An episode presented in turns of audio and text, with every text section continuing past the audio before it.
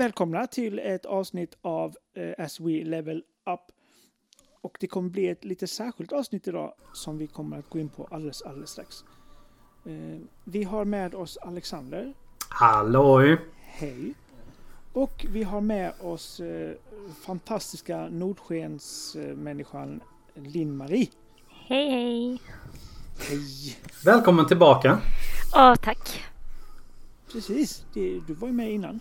Mm. Innan, men för ett annat avsnitt. Precis. Eh, vi Mm. tänkte, är du ansvarig för Nordsken? Ehm, vi är ganska många som är ansvariga. Jag har den fina titeln eh, projektledare. Har jag. Oh. Eller som jag så snyggt, snyggt har skrivit på våran hoodie. Jag måste ta fram den här. Det står nämligen Fleet Captain på min. Eh, Oh. sådär snyggt. Mm. Eh, nej men jag har många titlar egentligen. Men projektledare har som blivit den helheten. Jag sköter bland annat marknadsföring eh, och sådär. Men eh, att arrangera Nordsken innebär ju att man inte är ensam. Liksom, vi är ju flera stycken. Det är ju Ja. väldigt många ideella eh, krafter i Nordsken för att få det att... Det är som ett stor, eh, stort skepp som ska framåt. Så att det, vi är många som arbetar med det. För, för det är ju det som är det speciella med det här avsnittet. Vi ska prata om Nordsken och Mm. bara Nordsken. Allting Nordsken. Ja, Ja. fantastiskt. Eller hur? Ja. Alltså första frågan blir ju någonstans då för de som inte vet vad är Nordsken? Det är världens svåraste fråga att få. Tack så mycket. Eh, Nordsken är för det första en eh, hyllning eh, till eh, människors eh, hobbys. Eh, det är en hyllning till fantasi, kreativitet, spel. Allting som jag anser är nördigt är Nordsken en, en hyllning till. Sen så är det en spelfestival med en målgrupp som är liksom familjer. Mm. Men det har alltid varit liksom rikta sig till, till oss som, som är nördarna. Och det är ju, från början var det liksom de och vi som skapade Nordsken med olika, olika aktiviteter och sådär. Ehm, så men det är, vi brukar sätta fokus på spelkultur och kreativitet. Det ska liksom alltid eh, vara inom ramarna för det för att kunna platsa på Nordsken. Det Mm. är i slutet av maj har jag för mig va? Mm, 30. precis. 30 maj till 1 juni och det är Kristi himmelfärd. Så torsdagen är ju röd. Så det är ju Mm. fredagen som en liten klämmis. Eh, Ja, alltså jag varit lite grann sådär. Alltså jag såg ju att det var Kristi himmelfärd. Men annars brukar ju alltid sådana här grejer vara liksom fredag till söndag. Ni kör torsdag till lördag. ja, och det är fantastiskt skönt. Ja, Faktiskt. vad ligger bakom det beslutet då? Ehm, ja, jag kan inte säga rakt av, för jag har inte varit med så länge. Men jag vet att diskussionerna var att ha det, jag tror de testade att ha det någon gång på sportlovet. Eh, problemet är att det krockar med så mycket annat då. Då är det kupper och det är fotboll och det är annat som, som lockar. Och sen påsklovet var också svårt för då är de flesta bortresta eller har annat för sig. Så det var liksom Kristi himmelfärd som var helgen som funkade bäst. Och sen också i och med att torsdagen är röd så är många lediga och Mm. fredagen då oftast en klämdag. Sen då är det ganska skönt för oss som arrangerar att söndagen det är dagen vi kan liksom plocka ihop och packa ihop och liksom för de flesta har ju jobb sen, vanliga jobb på måndagen. Så då kan det vara skönt att få ha en dag där vi liksom hinner utan stress packa ihop allting. Hur stort är Nordsken? I eh, besökarantal eller sådär? 2017 hade vi 10 000 besökare. Förra året hade vi 8 600 besökare. Mm. Och då siktar ni högre då misstänker jag nu. Ja, det gör vi. Vi har ju ett mål att 2020 dra 20 000 besökare. Så att det... Men jag tror att vi kommer komma dit. Vi, har, Ja. vi jobbar stenhårt för det. Sen till ytan så är i alla fall inomhusytan på Skellefteå Kraft Arena där Nordsken är, det är ungefär 10 000 kvadratmeter. Så det är ganska mycket. Oj. Är det, får Skellefteå AIK stryka på foten då? Nej men just det, det är ingen hockey längre. Det var ju Ja. slutspel och sånt. De åkte ju ut också. Så Ja, det gjorde de. Ja. Vad tråkigt. Ja, synd för dem. Eh, Ja. Så att, eh, ja, nej, men så att vi försöker sminka bort allting som är hockey i den arenan. Och då har vi fantastiska scenografer och byggare som, som hjälper till att göra. Och de, de, eh, ja, de jobbar dygnet runt med att få gestaltningen färdig inför årets Nordsken.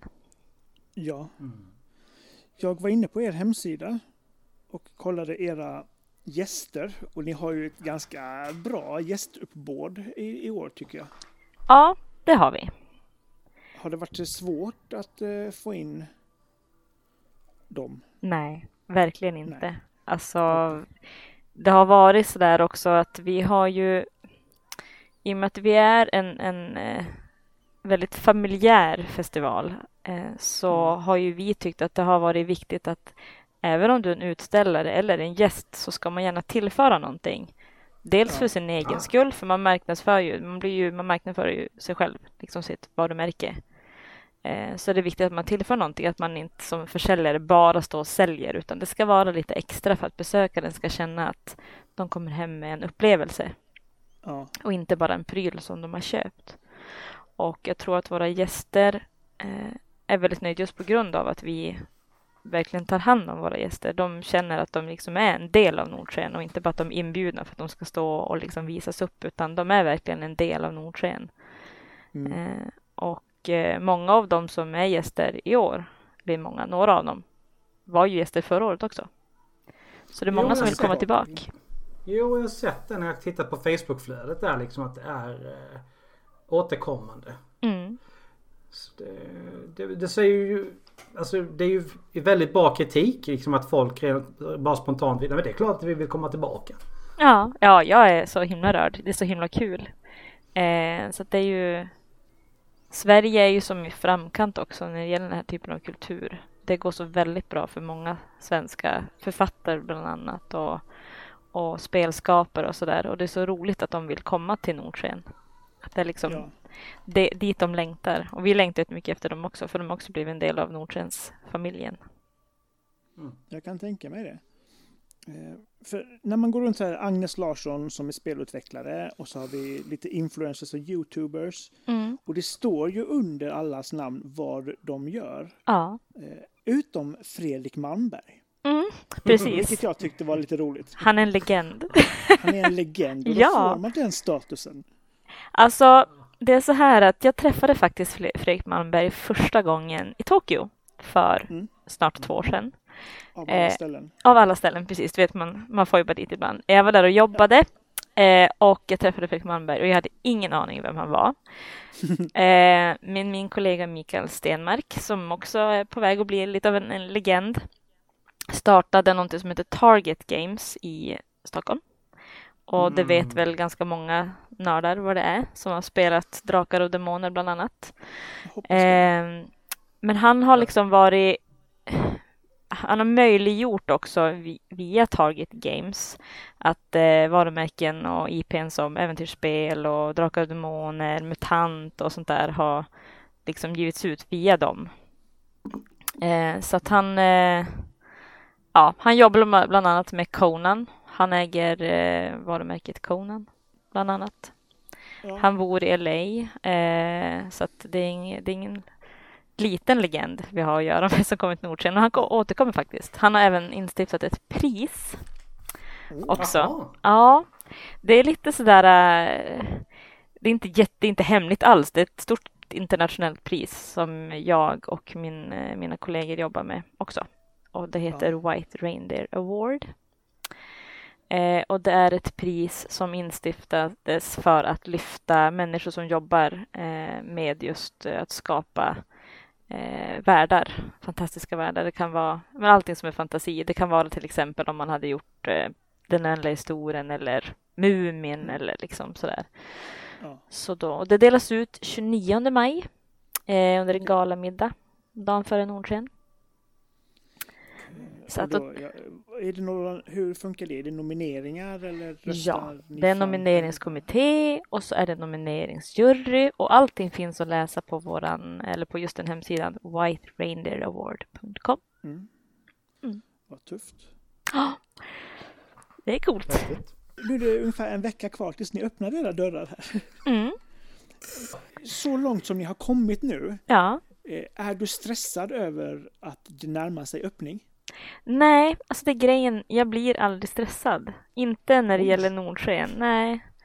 Alltså, för mig så handlar det nog mer att jag får ett adrenalinpåslag. Sådär att jag känner att eh, jag vill liksom se till att allting är gjort och klart och sådär. Men i och med att jag är ju aldrig ensam så känner jag någon gång att det är något som oroar mig, för det kan det göra. Det kan oroa mig sådär. Så vet jag att jag kan bara ringa och säga åh jag är så orolig, kommer det här bli klart eller hur kommer det bli? Och då får jag svar på tal direkt. Stressad tror jag man blir oftast om man har dålig koll. Då tror jag att det kan skapa en stress. Men jag känner att jag har ganska bra koll. Och sen är jag ju som sagt inte ensam så att jag känner att jag är i trygga händer och i tryggt sällskap så att jag är inte orolig. Nej. Men det måste man väl någonstans känna när det är ett sånt samarbete att man känner att man kan lita på dem man jobbar med. Att de sköter sin del. Annars kommer det ju aldrig att funka. Nej men precis och det är som så viktigt och jag tänker liksom att eh, vi är ju en som en så stor familj och vi gör ju, alla gör ju det här ideellt och det är för att vi älskar Nordsken. Eh, men sen har vi, det gäller ju att ha liksom högt i tak också. Att mår man inte bra och det blir jobbigt att man liksom, och därför har ju vi olika ansvarsområden. Vi har liksom en, en HR-ansvarig som är den som vårt crew kan kontakta om det är saker som inte känns bra. Och, så att vi kan lösa de här sakerna som kan uppstå. Att ja, men det kanske är någon som inte riktigt orkar med det de har tagit på sig och sådär. Och, men så vi försöker jobba väldigt mycket med att ta hand om vårt crew. Mm. Hur många år har Nordsken arrangerats? Det första gången arrangerades det 2012. Ja, 2012 var det. Eh, och då var det på Scandic i Skellefteå. Eh, så att eh, då var det lite mindre och det var ju då jag började vara där men som deltagare bara, så jag, eller besökare. Eh, som lajvare så var jag där men jag tror att jag hjälpte till någon gång med att göra pins typ. Det är typ det jag minns. Mm. Scandic, alltså pratar du om hotellet då eller? Ja, de har så, även som en konferensvåning på nedre delen och så Ah, sitter även okej. Scandic i Skellefteå ihop med, ihop med biblioteket också och de har som en ja, öppen yta på andra våningen eller nedervåningen på biblioteket så att de öppnade som upp dörrarna mellan så det blev lite större men Ah, eh, och där var ju även DreamHack innan så att Ja, eh, okej. Yes, och det var liksom när DreamHack slutade komma till Skellefteå som arrangörerna för Nordsken ansåg att det behövdes göras någonting annat. Ja. Det blir ju tomrum att fylla, så är det ju. Ja, Var, hur kom det sig att du gick från, eller hur, hur var resan från att vara där som besökare till att liksom, sitta och arrangera? oj, det här är liksom en sån här äh, märklig historia för jag hade aldrig tänkt tanken ens. Det var verkligen så här Eh, egentligen så var det så här att jag jobbade på Teknikmagasinet och eh, jobbade där nästan heltid. Så har jag två barn och är gift eh, och tyckte att jag hade alldeles för mycket att göra redan. Och jag tänkte att, ja men fick jag frågan om jag inte ville ställa ut någonting på Nordsken och jag kände så här, jo men jag skulle vilja göra det för jag älskar ju Star Trek och jag hade velat ha en Star Trek-monter på Nordsken och det var liksom där allting började. Och jag sitter med Johan Linder som eh, också har varit projektledare för, Nord- för Nordsken och han jobbar med sälj nu bland annat och är en, min närmsta kollega på, på Nordsken. Och han sa till mig bara, men ska du verkligen ha en monter på Nordsken? Ska du inte gå med i vår styrelse istället? Och jag bara, alltså som gav, jag har ju liksom startat Sverok-föreningar och jag har känt att det var inte min grej att sitta i en styrelse. Eller, Ja, nej, men jag kan, ja, okej då, tänkte jag, jag kan väl göra någonting. Och jag hade ju som nyss börjat om att lajva igen ordentligt. Jag tänkte, ja men det kan väl vara bra. Och helt plötsligt så satt jag där och blev invald i styrelsen. Och så jag förstod inte riktigt hur det gick till. Det blev aldrig någon Star Trek-monter. Eh, det blev en liten, liten Star Trek-utställning med min samling av grejer. Och sen eh, så var jag fast. Jag började stötta Johan Linder lite grann eh, successivt med bland annat marknadsföring. Jag gjorde mycket grafiskt material och sen blev jag ansvarig för cosplay. Helt bara sådär. Jag ska egentligen bara hjälpa till, men det blev som att jag eh, insåg att jag var ganska duktig på det här och tyckte det var ganska kul. Och sen på den vägen är det och jag är helt smitten. Jag är helt fast. Det är det roligaste jag gjort. Mm. Är detta men... ditt jobb? Nej. Eller är det en hobby? Alltså, det är farligt egentligen att jobba med sin hobby, säger de. Eh, men jag går, gör ju det här oavlönat. Alltså, det är ju ideellt. Eh, sen så har jag ju, förra året så hade jag ju en, en lön från Nordsjön när jag jobbade med marknadsföring, men i år så har jag bestämt mig för att vi, vi får se om jag får lön. Men just nu jobbar jag gratis. Eh, men jag känner... Lägga alla pengarna på att flyga hit legender från USA. Ja, varför inte? man lever bara en gång. Eh, nej men så att, eh, och så är det ju för oss allihopa. Så att det gäller ju inte bara mig utan det gäller alla. Men mm. eh, ja, så att ja, nej men eh, det, jag har ju ett annat jobb också. Ett, ett, eh, säga ett riktigt jobb, ett, ett jobb där som jag får pengar från. Eh, och det är, det är ju, då jobbar jag ibland som projektledare och eh, communications manager. Ja. Som det så fint heter. Hur stor är din Star Trek-samling egentligen om du kunde ha en egen utställning med den? Ja, jag vet inte, det är inte jättestor. Det är väl lite så grejer och sådär, men det var väl mer att jag ville lyfta Star Trek i Sverige, liksom här uppe i Norrland och sådär. Sen har jag ju vänner som är Trekkies också, så vi hade ju tänkt gå ihop och göra någonting lite, lite coolare. Bland annat, det var ju som just när Star Trek Discovery skulle sändas, den nya serien, så att mm. eh, jag hade ganska god kontakt med, med eh, nu står det stilla, men de som är ansvariga utgivare för, för Star Trek i Sverige. Så att jag hade ganska bra kontakter, så jag hade liksom möjligheten att göra någonting lite större. Men ja, jag har ganska mycket Star Trek-grejer. Jag kan mm. inte säga exakt hur mycket, men en del. En del. Jag gillar ju Dalek, det är en cool figur från Star Trek. Nej. Nej. Eh, förlåt. Jag, eh, Däremot är en, en seriösare fråga, mm. Eh, för det andra var inte en fråga, men hur kommer det sig att Star Trek inte har fått samma fanbase som Star Wars? Ja, jag tror att, jag tror att det handlar lite grann mycket för att den har varit lite svår. Alltså så här, Star Wars är väldigt enkelt att förstå sig på. Det är ganska hands-on och det är, det är lite mer sådär Eh,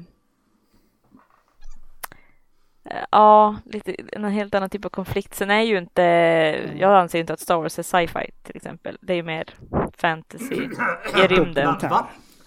Ursäkta mig, vadå? Ja, nej men eh, Star Wars är fantasy i rymden, så är det ju. Jag tycker att Star Trek är mer sci-fi. Um, och uh, jag tror liksom så här, det handlar mycket om, sen är det väl så här att ja, men, jag, jag brukar säga så här till folk som säger, hur kan du tycka att Star Trek är bättre än Star Wars?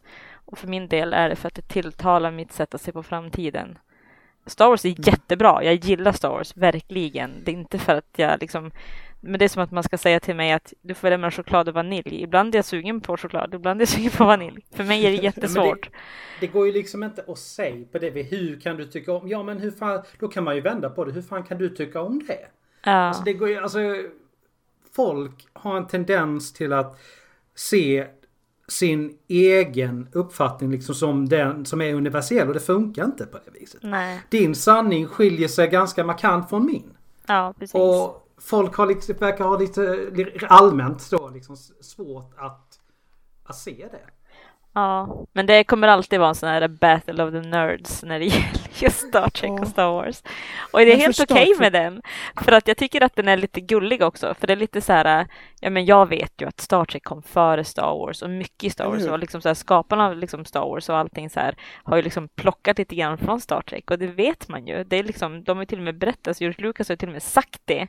Men, men för min del är det så här att man, man får tycka illa om Star Trek om man vill det. Det kanske inte är för dem, men för mig så är Star Trek det sättet att se på framtiden och möjligheten. Också hur Star Trek har varit i framkant också när det gäller liksom hur de har hanterat eh, o, olika typer av raser och människors olika förutsättningar och eh, sexuella läggningar och sådär. Så, eh, så tycker jag att Star Trek oftast har varit lite före sin tid väldigt ofta. Så jag, det lite har ju tilltalat mig redan som barn att jag tänkte så här, shit kan framtiden se ut så här och liksom coolt om eh, det är bara att säga på den här jämförningsbilden som har cirkulerat på nätet ibland att Star Trek var före med väldigt mycket. Sen började Apple tillverka grejerna liksom. Eller hur? Ja, mm. så att eh, ja, så att det, det, jag kan prata om Star Trek och Star Wars hur länge som helst. ja, då är vi två.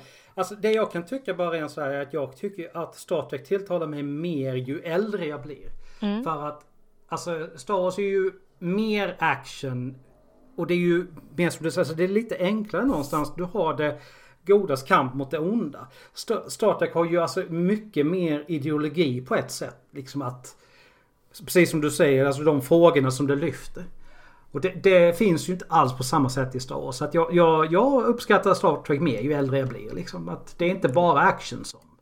Och du är ju riktigt, riktigt gammal så du borde uppskatta det asmycket. Det är 78, ja. Är du 78? Shit, det trodde jag inte. Jag är född 78, ditt pantade ah. apa. Ditt pantade... Jag kan inte prata idag. Jag eh, tänk, tänkte eh, fråga en sak. Mm. Jag, jag, fick en bild av dig för eh, någon dag sedan. Att du hade varit och hämtat eh, X-Wings. Eller var det en TIE Fighter? Var det? det var en X-Wing. det var en X-Wing. Det var en ganska stor X-Wing. Ja. Eh, som knappt fick plats i baksätet på din bil. Mm. Eller på bilen, nu ska inte jag bara anta. Mm. Eh, vad, vad, vad är det om? Eh, ja, när jag, eh, när, jag hör nu, eh, min, eh, mina kollegor eh, som, som är så fantastiska. Vi arrangerade tillsammans med Malmö stad vinterspelen på eh, Stora torget i Malmö. Okay. Och då tyckte eh, Magnus, tror jag att det var Magnus, min kollega, eh, att det vore coolt att vi, de gjorde ett jättestort X-Wing-spel. Så här, det är väl någon typ av brädspel. Jag är inte så duktig på sånt där. Eh, och eh, de ville göra stora modeller som man kunde spela som är stora, inte de små, med stora tärningar och allting. Mm. Och eh, när Magnus har kommit på en idé, då blir det oftast så. Eh, och jag ville visa upp det här eh, när vi åkte till Piteå. Så att eh, i bagaget så fanns det även TIE Fighters två stycken. Eh, så du fick bara se X-Wingen faktiskt. Eh, och eh, ja, så att de eh, plockade jag med mig. Det finns, de ställdes på fot och sådär. Jättesnygga. Ja. Och de plockade jag med mig och ställde upp där. Så, så att de kan man på Nordsken i år få möjligheten att både se och röra vid och testa spela. Och då finns en stor spelplan och sådär med tärningar och kommer finnas spelledare som hjälper en och sådär. Så att det, det kommer bli magiskt. Jag upplevde det också när barnen såg dem, för de var ju typ jättekorta små barn som liksom mm. såg dem där. För de var ju det säkert jättehäftigt, för de är ganska stora i deras ögon. Ja, ja. Eh, men de är, de är gjorda av trä. Är de. Eh, så det är ju riktigt häftigt. Jättekola ja. grejer. Jag hade gärna velat ha dem hemma. De har stått nu i mitt tv-rum ett tag för att jag ville bara se om de ja. rymdes. Men det blev lite fullt. Hur stort tv-rum har du? Alldeles för litet uppenbarligen. Men, ja, eh, uppenbarligen. Så att du får ju de hänga upp dem i taket istället. Ja, jag funderade nästan på det. Men jag tror att de kommer sakna dem under Nordsken om jag kidnappar dem. Det är ju så jag har gjort hemma. Jag, har ju, jag letade upp massa, alltså mina gamla grejer. Så jag har, ska vi se, vad är det? En, en X-Wing, en ja, Boba Fett Slave One och en Y-vinge som hänger i, i taket in, in i vardagsrummet. Det, det är coolt, ja, roligt det... att samla. Ja, nej men alltså det är, alltså, det, det, du pratar om Star Trek-samlingen, alltså det jag har funderat många gånger på om jag ska verkligen ta och kolla igenom min Star Wars-samling. Herregud, det är alltså, jag har kanske Alltså det, vissa grejer är ju uppe men jag har ju säkert alltså, tio gånger mer som ligger nere i källaren. Det, jag kan inte ha allting uppe, det går inte. Nej, Nej men man får, man får göra uppoffringar ibland. Mm. Det måste man göra. Jag samlar på tärningar jag. Ja. Det är, det är inte lika eh, platskrävande. Det är klokt. Klokt. Ja, tack. Jag, ja, vad har varit eh, den största utmaningen hittills eh, med, med Nordsken? Att få ihop allt? Oj, um, ja det tror jag är lite beroende på vem du frågar, men om du frågar mig så, så tror jag att den största utmaningen också har varit um, sponsorerna i år. Alltså det, ja. det kostar pengar att göra ett sånt här evenemang. Um, Och i en liten stad som Skellefteå så är ju inte möjligheter till sponsring jättestor sådär. Eh, sen tror jag också att det handlar om att när det just kommer till sponsring, det här om att förståelsen för vad Nordsjön egentligen är, hur mycket det bygger branschen, för vi vill ju inte bara liksom att det här ska vara en spelfestival, vi vill ju verkligen göra skillnad. Vi vill ju liksom att, att eh, vi ska ju vara platsen där branschen lyfts och kan liksom diskutera, mötas, alltså mötesplats för branschen också. Eh, och den här branschen är så mycket större än vad många tror att den är. Och det handlar inte bara om e-sport som jättemånga tror att Nordsjön är idag.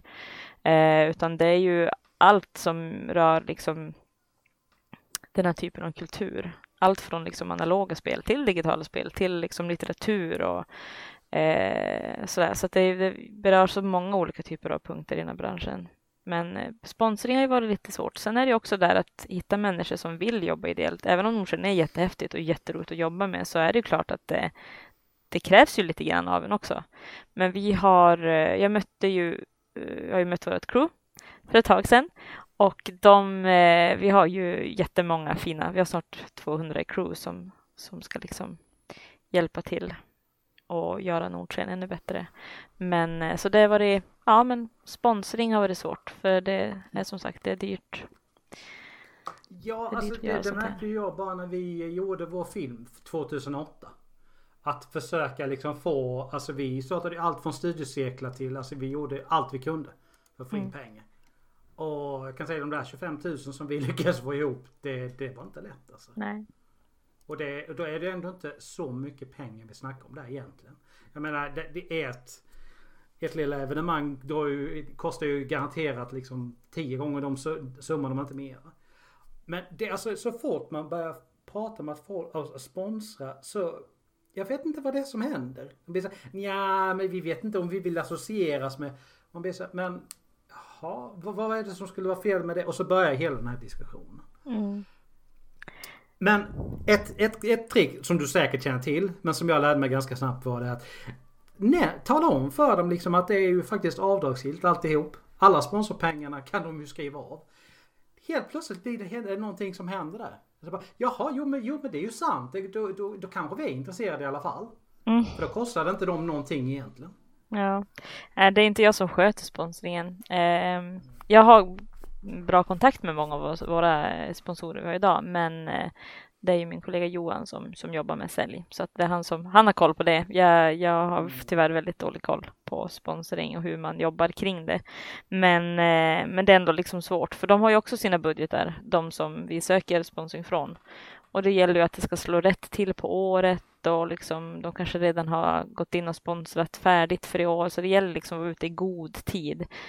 Och det är just det, liksom så här, att Nordsjön är den här tiden på året så då har de flesta redan lagt sina budgetar. Så det gäller att vara lite så här smart att liksom, eh, göra det i rätt tid. Eh, men eh, ja, men det, det, jobbar vi. Vi vill ju liksom synliggöra Nordsjön så mycket vi kan och, och gärna bjuda in liksom potentiella sponsorer för, för framtiden och visa det här, är, det här är vad vi gör. Och det är många som blir alltså förvånade, chockade och de, det är oftast inte alls det de förväntade sig utan de, det slutar oftast med att de skickar dit sin, sin familj också och vänner och bekanta. Så det är kul. Mm. Ja. Det känns som att vi hoppade förbi en fråga här egentligen men vi tar den nu. Hur, hur mm. länge har du varit med och arrangerat Nordsken? Sen 2017 så det är inte så länge. Mm.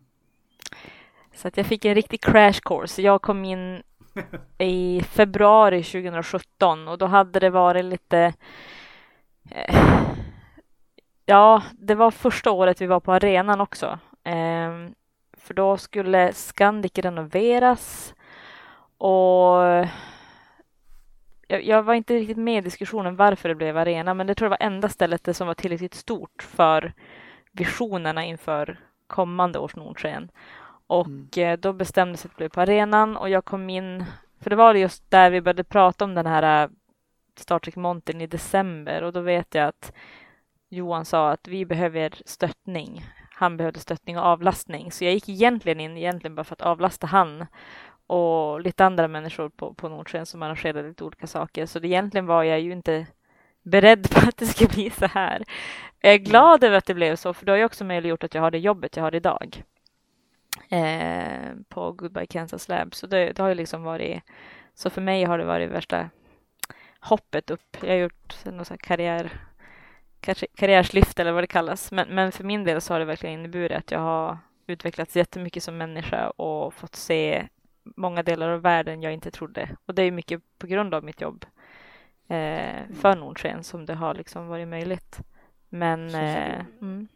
Skulle du säga att du liksom tvingades ur din comfort zone när du började jobba med Nordsken?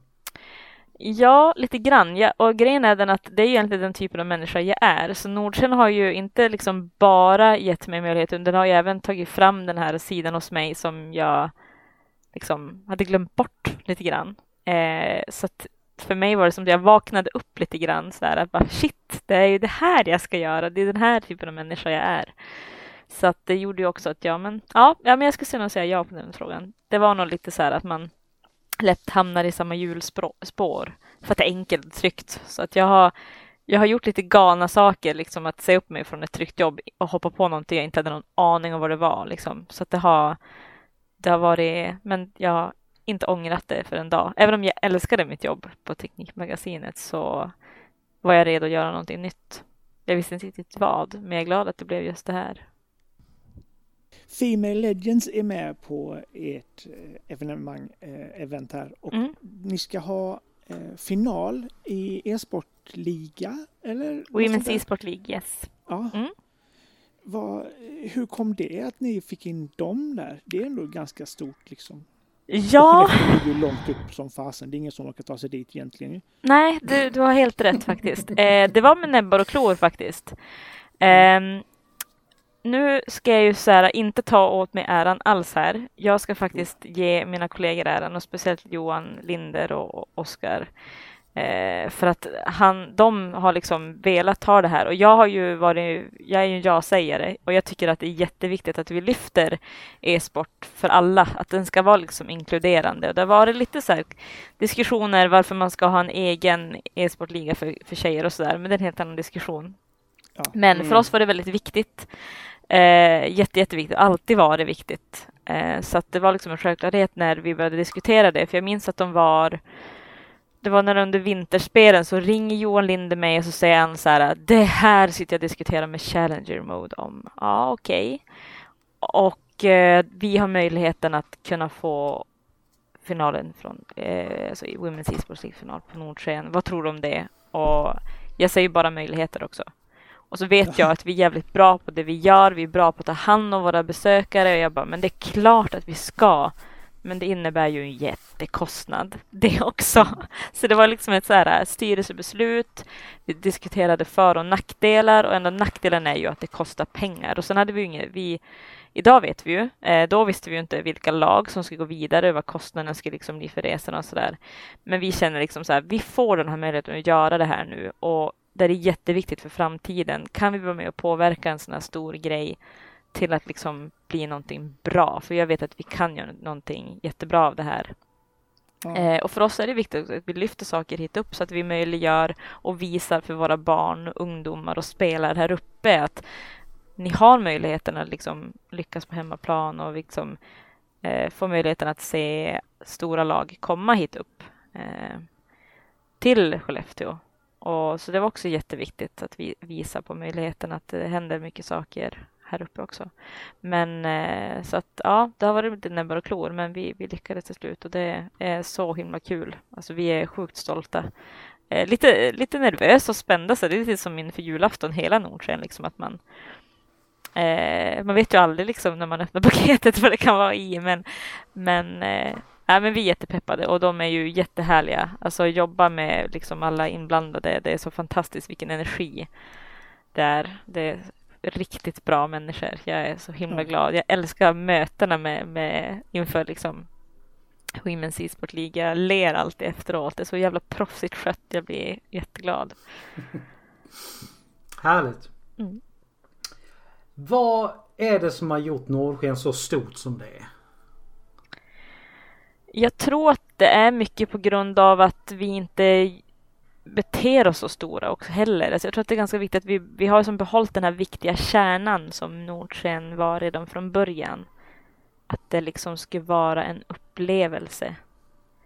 Eh, för vi får ibland frågan om det är ett Comic Con. Eh, mm. och det är absolut inte ett Comic Con.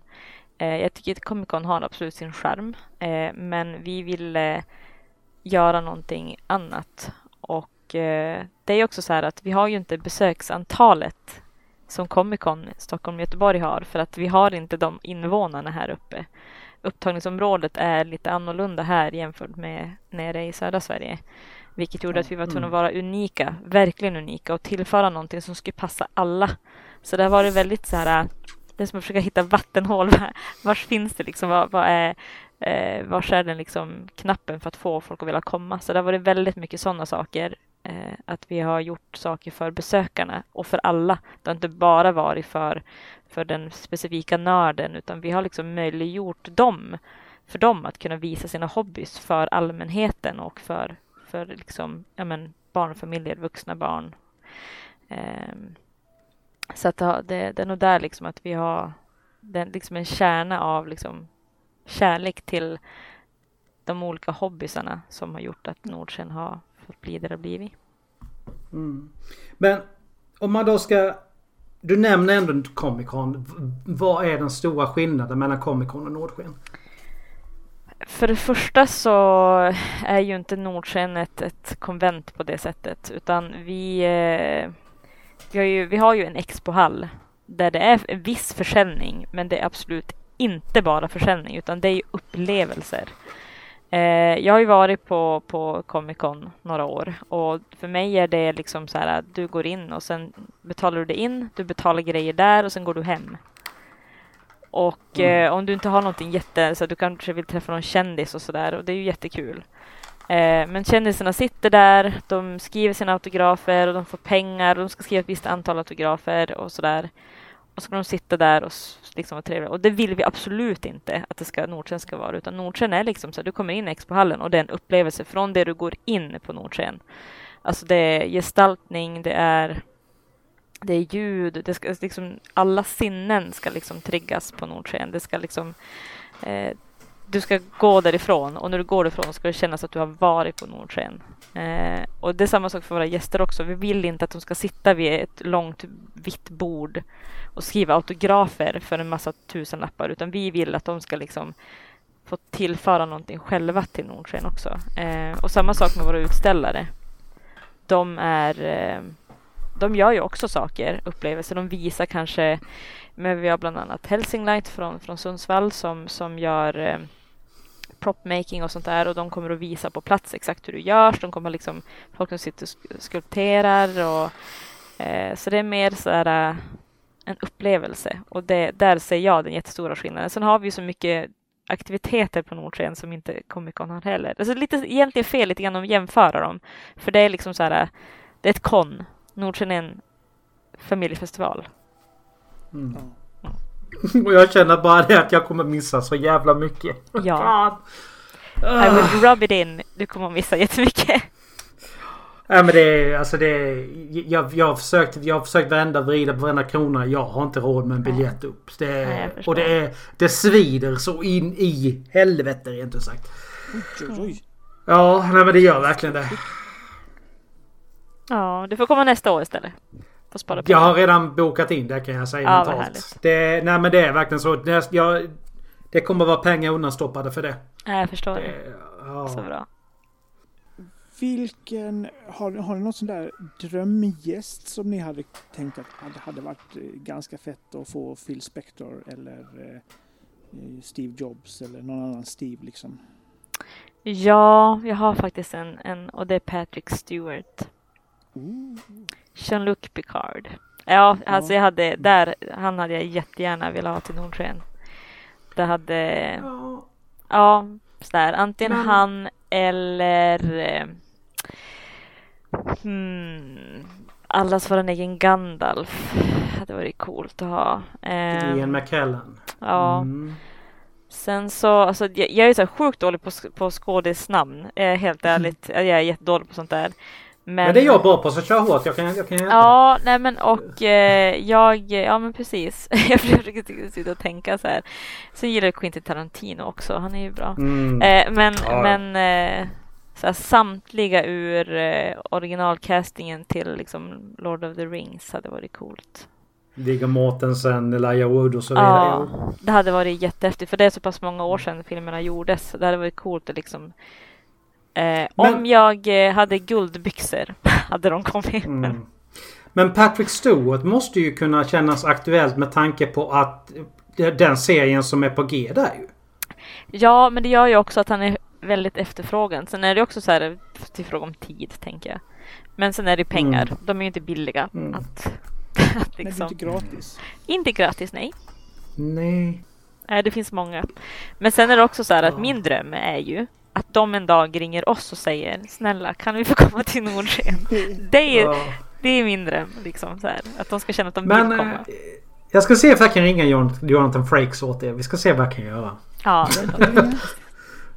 ja. Är det en, en, en, en referens som inte jag fattar det här? Uh, number one, Star Trek mm. uh, Next Generation. Han mm. ska, jag har för mig att jag har läst någonstans att han ska vara med på något hörn när det gäller Quentin Tarantinos Star Trek film. Mm. Som är in the making. Om man ska vara någon så producer, jag vet inte riktigt om han ska vara med i själva filmen, men jag, hans namn stod medskrivet någonstans jag läst. Att, ja, men ja. det känns ju inte konstigt med tanke på att han regisserade ganska många avsnitt. ja, det... och det är faktiskt bland de bästa avsnitten. Så att jag, ja, jag ja. håller med. Det är helt klart. Det, jag har ju precis gått från Next Generation till Deep Space Nine och är på säsong 3. Ah. Så att, eh, ja, nej, jag håller på att plöja igenom allt. Jag började på, på original och fortsatte. Det, i approve. I approve. Ja, jag, jag kollar ju inte på eh, saker som visas efter Björnes magasin så jag, jag sällan jag är uppe vid den tiden. För Björnes magasin är väl nedlagt så länge? Exakt. Han kör så här eh, SVT-arkiv. Ja, SVT Play har egen inlogg till deras bibliotek. Och sen när du känner att det måste bli mer vuxet så lyssnar du på Creepypodden. Precis. ja. Finns det någonting du känner att du vill eh, pitcha nu till alla som eh, står, och, står det folk på kö redan eller det väntar en stund med det? För att komma in? Eh, ja, de har inte börjat tälta utanför än. Eh, mm. Förhoppningsvis kommer det bli så. Alltså, det finns så mycket jag vill pitcha på Nordsken, men jag tror det är så här att, att liksom 2019 års Nordsken blir det häftigaste hittills. Och jag mm. tror liksom att även om man inte riktigt tror att det ska finnas någonting för en där på Nordsken så tror jag nog att vi kan trycka på nostalginerven på de flesta. Eh, Sen är det självfallet så här ett jättehäftigt för oss att vi har fått eh, Marvels chefsredaktör Cebulski till, mm -hmm. till mm. Nordsken. Och det är väl så här. Eh, det, det, det, är lite så här, det, det, är svårt att inte vara stolt över att han kommer till oss. Det är jättehäftigt. Eh, ja men det är det verkligen. Det var, ju, det var ju en sån grej som verkligen gjorde att jag kände liksom att nej, jag vill verkligen åka. Så att det, det är ju ja. jätte, jättehäftigt. Sen har vi ju så himla mycket. Vi har liksom regissörer, vi har serieskapare, författare, influencers, vi har till och med en legend. Det är ju inte så jävla mm. många som har legender. Eh, men sen är det ju självklart, för mig så för min del så finns det ju någonting för alla också. Alltså min mamma älskar till och med att vara på Nordsken och hon är väl inte specifikt en nörd. Hon har bara liksom fött och närt nördar. Eh, mm. Men eh, så att hon tycker att det är en jättehäftig upplevelse också. Och, eh, så att det är coolt. Det är ett bra betyg att min mamma gillar grejer. Men eh, så att det, det, ja, det finns. Mm. Kom och upplev Nordsken. För det, det, it will amaze you. Så är det. Eh, mugglar eller inte, liksom, det kommer att... Och sen är det också så här att det, det är en upplevelse. Det är alltid... Det är ett minne för livet att ha varit på Nordsken. Ja. Mm. Nej, men då hoppas vi att eh, tälten snart sätts upp då. Mm. Mm. Brukar det vara det? Nej. Jo. Nej, kö brukar det vara tidigt. Kö, kö ja precis. Vi har, vi har några trogna eh, som har liksom sådana här så armband när man köper eventpass också. Så att de har liksom mm. sina armband genom åren som de inte har klippt av sig. Nej, vad fint. Ja, så att det är fint att se. när de kommer tillbaka. Ja men alltså det är väl så någonstans. Jag har ju en kompis som alltid åker på Sweden Rock nere i Sölvesborg. Mm. Eh, som för övrigt började i Karlshamn. Bara sådär i och med att jag kommer från Karlshamn. Men han har ju alltså, jag vet, alltså han, han börjar få liksom slut på plats han. Mm. för han har så jädra många som sitter där. Men det är så det ska vara. Wow. För ett par veckor sedan så gick eh, Riksidrottsförbundet ut och sa att de inte tänker godkänna eh, e-sport som en sport. Mm. Vad har du för tankar om det? Ja, eh, ja, för det första så tror jag att det är mycket okunskap. Eh, sen är det väl också så där att vissa saker ligger inte rätt i tiden heller. Mm. Och jag, jag vet ju liksom eh, varför eh, de vill vara en del av i Svenska idrottsförbundet och sådär. Och det handlar mycket om att det är resor och allting sånt där också. Det är mycket som liksom ska räknas in. Men sen är det också så här att e-sport är fortfarande en ganska ung sport. Så det är ganska så här, det är ganska tidigt skede, det händer väldigt mycket och och sådär. Så jag tror, att man måste, jag tror att man måste bli mer hands-on och visa. Sen är inte jag någon expert, men det kommer däremot en expert på Nordsjön. Det är Max Hortanainen, tror han heter. Hortanainen, mm. ja. Han är förbundsordförande för Svenska e-sportförbundet och han kommer att diskutera mycket om det här på Nordsjön. Eh, så att, eh, men det är klart att jag, jag, jag, tycker att det är jättetråkigt, men jag tror att eh, det är värt att kämpa för. Och jag tror att liksom ger det något år till, några år till så, så tror jag inte att det kommer att bli lika svårt. Men jag tror att det handlar mycket om att det ska vara rätt i tiden. Och sen att, att det liksom, e-sport behöver liksom också utvecklas. Eh, och vara mer eh, brett och synas på ett annat sätt också. Ja. Eh, så att, eh, för det är, det är lite kontroversiellt också när det gäller just e-sport på grund av att det diskuteras om våld och massa sådana saker. Så att det handlar om att utbilda och upplysa. Alltså, jag tror inte det är bara det utan alltså det, spel överlag har ju äntligen kommit till en punkt där det faktiskt börjar räknas som kultur. Och därmed så tror jag att det kan vara lite väl tidigt som du säger delvis av den anledningen. Mm. Ja. Ja, men jag tror det, det, det är nog så det är många, många liksom faktorer, men jag tror också att det kan vara lite så här att det, det är lite, lite tidigt än. Men sen tänker jag också så här, det är fantastiska människor som jobbar kring att stärka e-sporten och eh, den är ju fantastiskt inkluderande och det jobbas ju ständigt med att liksom eh, förbättra kulturen kring e-sport. Så jag tror att det, det, är, eh, det är bara en tidsfråga tror jag. Ja, nej, jag, eh, det upprörde mig lite grann. Mm. För mm. hans eh, basen där, eh, vet, kommer jag inte, jag har inte ens hans namn på minnet. Men hans, ett av hans skäl till att e-sport inte ska inkluderas, det är för att det är för våldsamt. Ja, det läste jag också. Uh, ja. ja, och det, det, det känner jag att eh, fotboll, mm. ja. Eh, ishockey. Mm. Ja. Boxning. Ja, jag tänkte precis säga boxning. Alltså det... det... Bull. För säkert någon som har dött av ett bullklubb. Hoppas jag. ja, nej men alltså, det, det, alltså argumentet funkar liksom inte riktigt egentligen. Nej. Om man bara tänker ett steg längre. Det gör ju inte det. Men det är där jag ville liksom det är där jag pratar om när det gäller okunskap också. Mm. Och mm. Sen är det också viktigt att vi som spelare faktiskt ser också att det är klart att det är en faktor också. Alltså det är ju liksom till stor del ett, ett, ett visst vålds... Eh, vi säger så, som tittare. Som spelare så, så, är det ju inte så, men som tittare som inte liksom är inne i det, insatt i, i själva e-sporten så, eller spelen överhuvudtaget så är det ju klart att det är det man ser. Det är det man ser liksom eh, som gör att det skapar, skapar en uppfattning om just spel. Eh, jag har diskussioner ganska ofta om våld i spel. Mm. I och med att jag själv var barn. Och liksom, jag tror det handlar mycket om det. Men det är därför jag tror att det är viktigt att man liksom upplyser och eh, breddar liksom synen på, på just e-sport och vad spelen är och vad det innebär att vara en spelare. För att liksom sitter man och alla vet ju hur en fotbollsspelares vardag ser ut till exempel. Han tränar sju dagar i veckan. han eh, äter proteinrik kost, han ska ta hand om sig själv och han ska kamma sig själv. Men om man, om, man vet ungefär hur en bild på... ja, men han är kortklippt, ska se bra ut för att det ska se bra ut liksom. Men om man pratar med en e-sportare, för jag, jag, gjorde den här liten jämförelsen för en, för en tid sedan. Jag satt och diskuterade med en som verkligen gillade hockey och inte förstod sig på e-sport alls. Och då sa jag, men när du tänker på en e-sportare, vad tänker du på då? Och det han gav den här typiska, ja ah, men den kille som sitter hemma i en källare som spelar, som inte flyttar hemifrån. Han eh, är lätt överviktig, har långt skägg, långt hår och eh, tror att Gandalf finns på riktigt. Typ. Jag bara, ja, ah, okej. Okay. Det är alltså den typen av... Och jag kan tänka mig att det är många som fortfarande har den där liksom, eh, synen på vad en e-sportare är och vad de gör. Hur ser liksom deras, alltså, deras vardag ut? Så jag tror det är väldigt viktigt att vara väldigt jo, synliggöra spelarna som... också och inte bara spelen utan även spelarna bakom.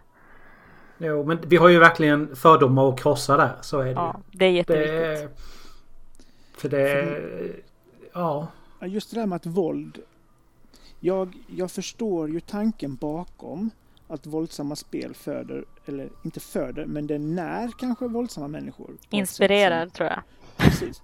Ja, det... Och, eh, jag spelar inte GTA och kör över ett sjok nunnor. Det, det, gör jag inte. Det är väldigt sällan faktiskt. Eh, och, eh, men oavsett genre, oavsett bakgrund på vad man tar upp så finns det alltid en risk att det finns människor som tar åt sig mer utav ja. det här än vad andra gör. Mm. Och eh, som ett exempel så när eh, 13 orsaker varför, hette den det på svenska? 13 reasons why. Ja. Kom på Netflix så var jättemånga så här oroliga över att det skulle öka självmorden. Och, och det gick ut lappar till föräldrar att ni får inte låta era barn titta på detta. Och nu har det kommit eh en eh, undersökning som visar att månaden efter de sände det här på Netflix så ökade självmordsantalet på ungdomar mellan 11 och 16 med nästan 30 procent. Mm.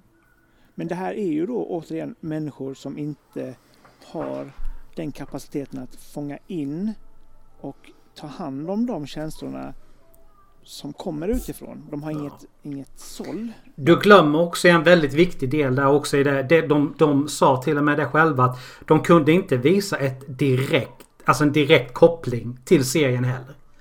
Nej. Det nämndes också, det, det, glöm inte det för det är väldigt viktigt någonstans att de kunde inte visa en direkt koppling. Nej. Eh, men, men huvudtesen är då att det finns, kommer alltid finnas människor som tar in en känsla utifrån och inte kan sortera den mm. och utagera den istället. Men jag... Det handlar ju mer om samhälle och ja. Eh, att man inte pratar om det.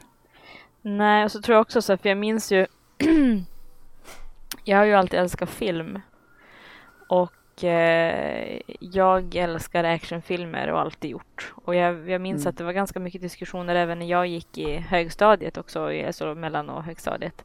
Diskussioner om vilka filmer barn inte skulle se. Och jag som själv som förälder, det är klart att man blir ju påverkad av det man ser. Speciellt när hjärnan utvecklas också. Det är ju intryck mm. som, som en hjärna ska hantera som är så ung.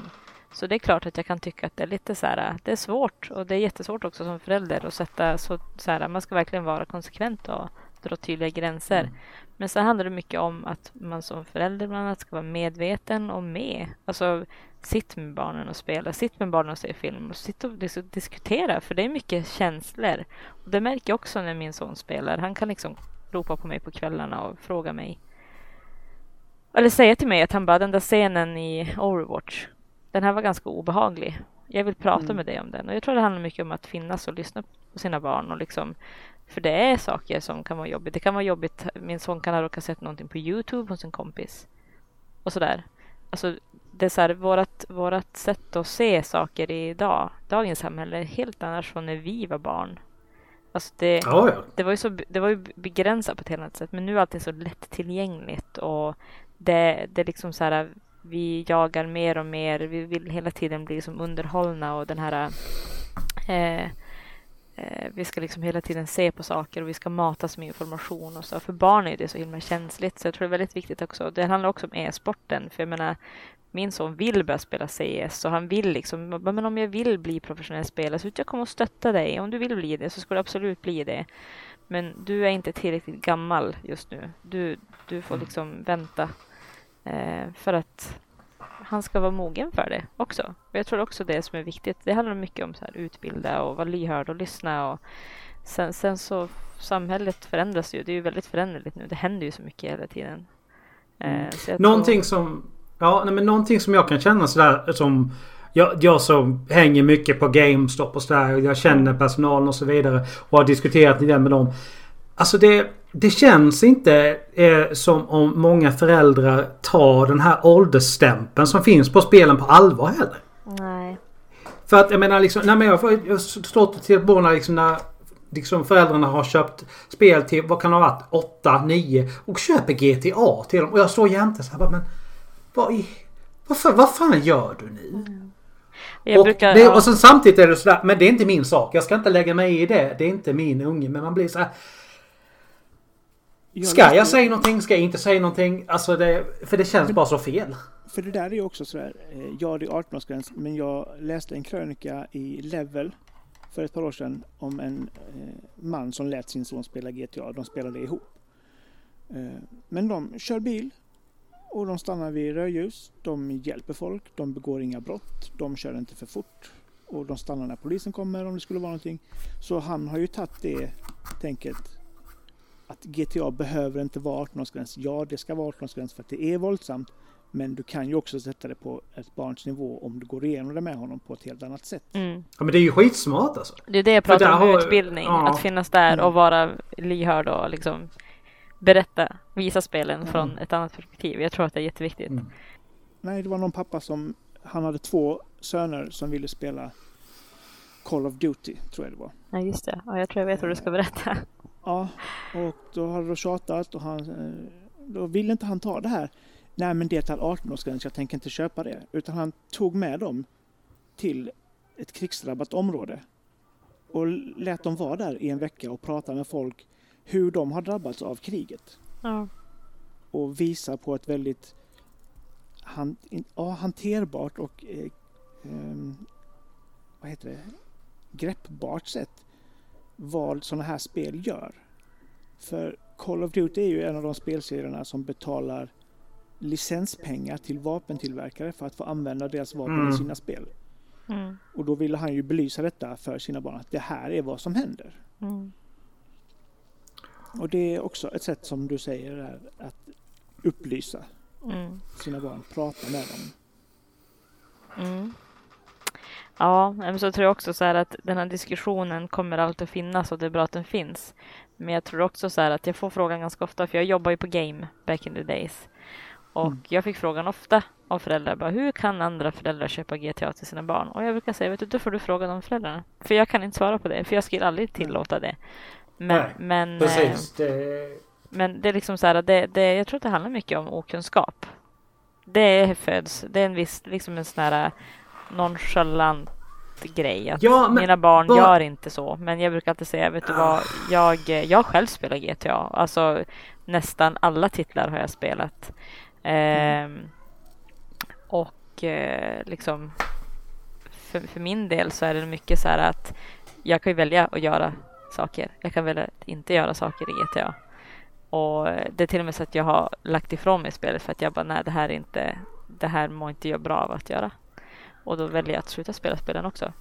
Eh, men jag tror också att det är viktigt att man liksom som också som spelrecensent, precis som vi har pratat om, om Mio Gaming tidigare också, att mm. man upplyser också om att det här är ett spel som jag inte skulle låta mina barn spela. Ja, nej, men alltså, det, det, är ju... Det finns ju ett argument också som jag tycker är så väldigt naivt. Som jag har hört många föräldrar när, när liksom... De få gånger jag liksom verkligen har lagt mig i diskussionen trots att jag kanske inte borde men blir så här liksom Ja men det är ju bara ett spel. Ja men det är inte bara ett spel. Alltså det är så, det är så mycket mer än bara underhållning. Men det är ju att, moral, det är, det är ja. moral och det, det är liksom sagt, som vi har sagt tidigare, det är en, det, det är en diskussion jag tror vi ska kunna ha den i flera timmar. Ja, ja. men det, det, det är jättesvårt. Ja.